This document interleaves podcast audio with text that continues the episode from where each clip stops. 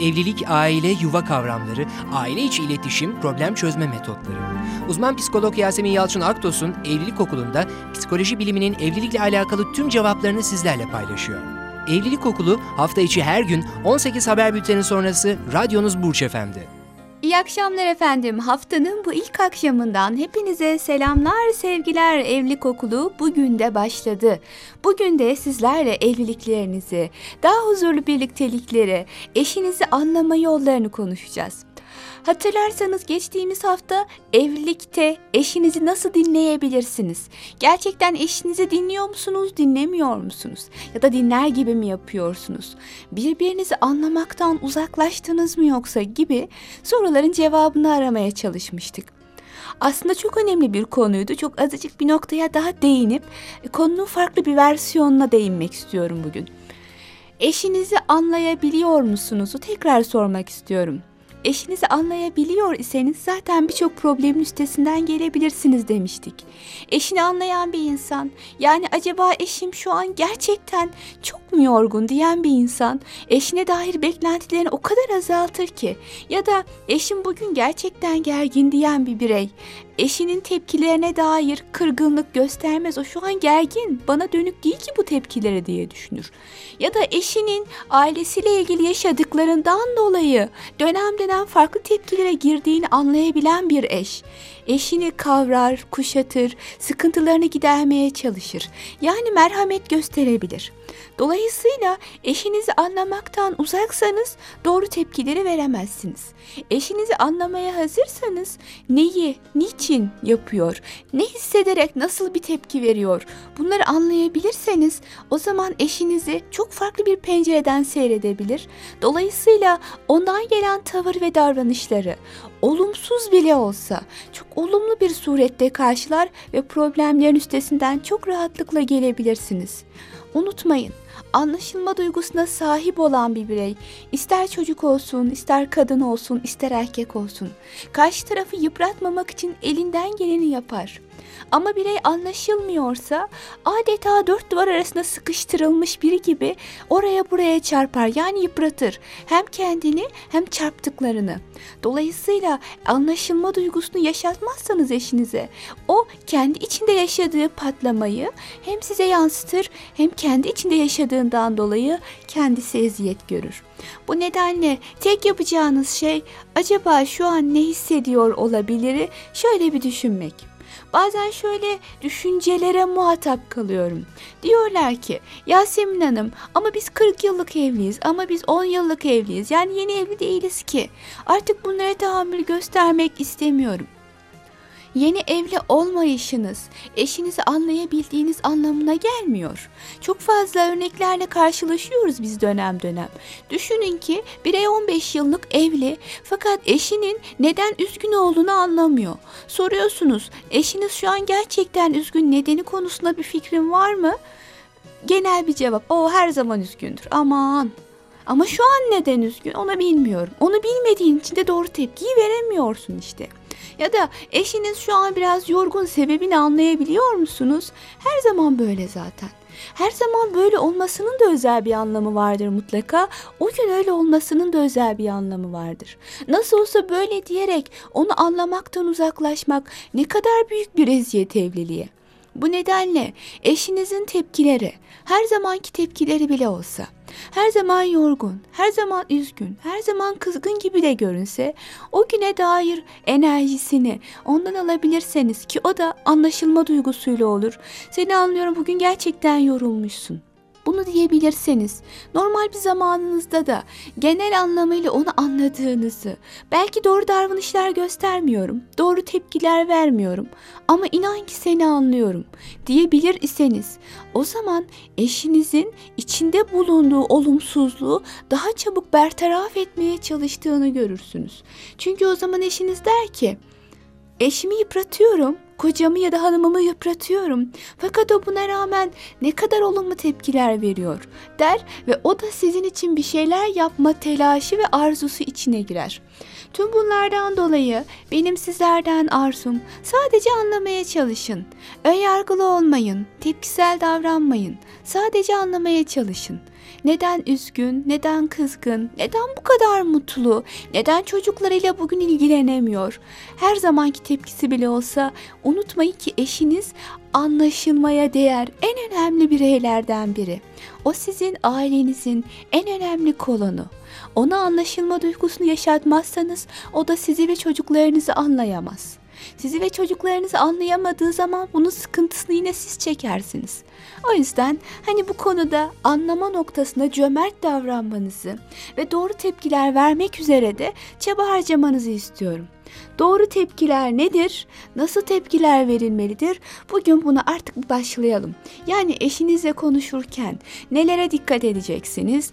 Yani eşinize doğru tepkiler vermek istiyorsanız neler yapacaksınız? Bu hafta özellikle evlilikteki iletişimi bu pencereden seyretmeye çalışacağız.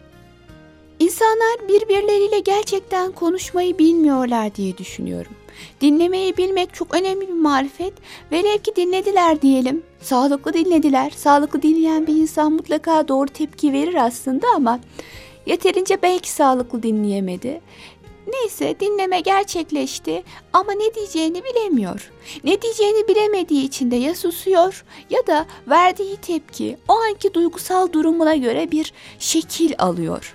Tabii karşı tarafı bu şekil, bu görüntü karşı tarafı tatmin eder mi, etmez mi? Bu kısmı çok fazla önemli. Yani eşinize kendinizi anlatmaya çalışırken nasıl tepki vermelisiniz? Burada karıştırılan bir nokta var. İnsanlar genellikle yaşadıkları problemin bedelini muhataplarına yaşatmaya çalışıyorlar. Yani mesela evde yalnız kalmaktan sıkılan bir kadın Evet yalnız kalmaktan sıkılıyor ya da korkuyor ya da bundan rahatsız. Şimdi bu durumda problemi yaşayan kim? Kadın. Ama kadın Buna rağmen bunun bedelini eşine yaşatmak istiyor. Ya daha doğrusu bu konuda eşiyle e, istişare yapmak istemesi, halini ona arz etmesi çok normal. Fakat burada sorumlu ve suçlu ararcasına eşine yükleniyor. Diyor ki mesela ilk tepki olarak çok düşüncesizsin. Hiç beni düşünmüyorsun ben evde ne yaparım diye. Ya da çok geç geliyorsun gibi saldırıya geçiyor.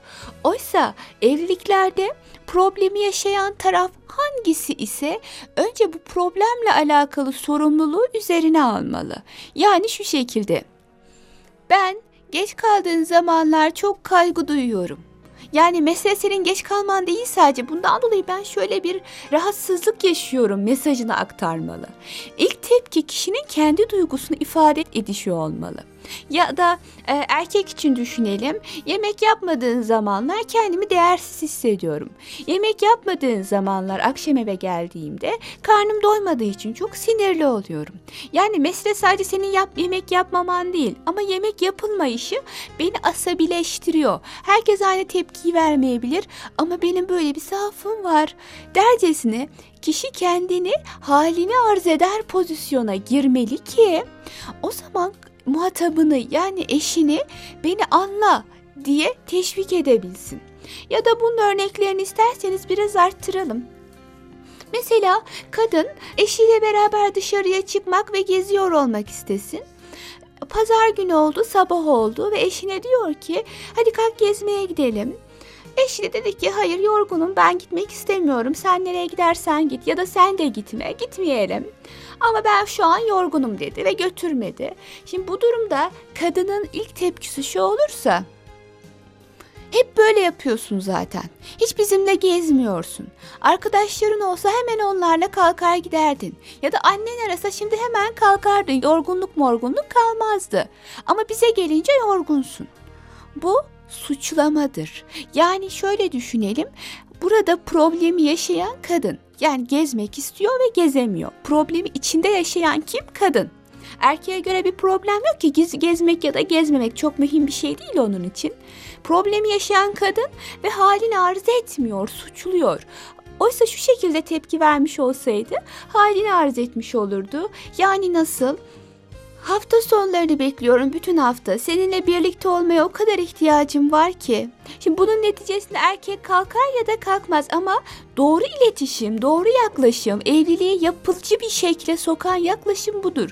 Benim buna ihtiyacım var. Çünkü problemi içinde yaşayan kişi benim ve ben durumumu ifade ediyorum.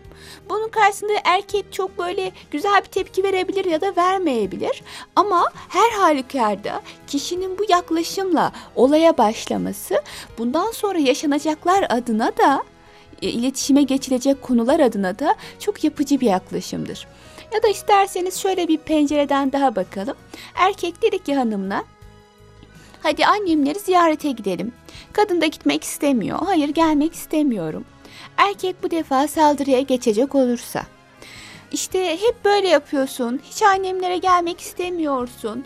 Ben seninle bu yüzden mi evlendim? İşte vesaire sıralayacak olursa bu yapıcı bir yaklaşım olur mu? Asla olmaz çünkü suçluyor. Annesine gidilmediği için canı sıkılan kendisi. Yani dolayısıyla problemi içinde yaşayan kim ise o kişinin kendi duygusunu aktarması gerekiyor. Ben şunu hissediyorum. Ben şöyle düşünüyorum. Karşı tarafın davranışına değil, kendi içindeki hissiyata yoğunlaşmalı. Biz buna ben dili diyoruz.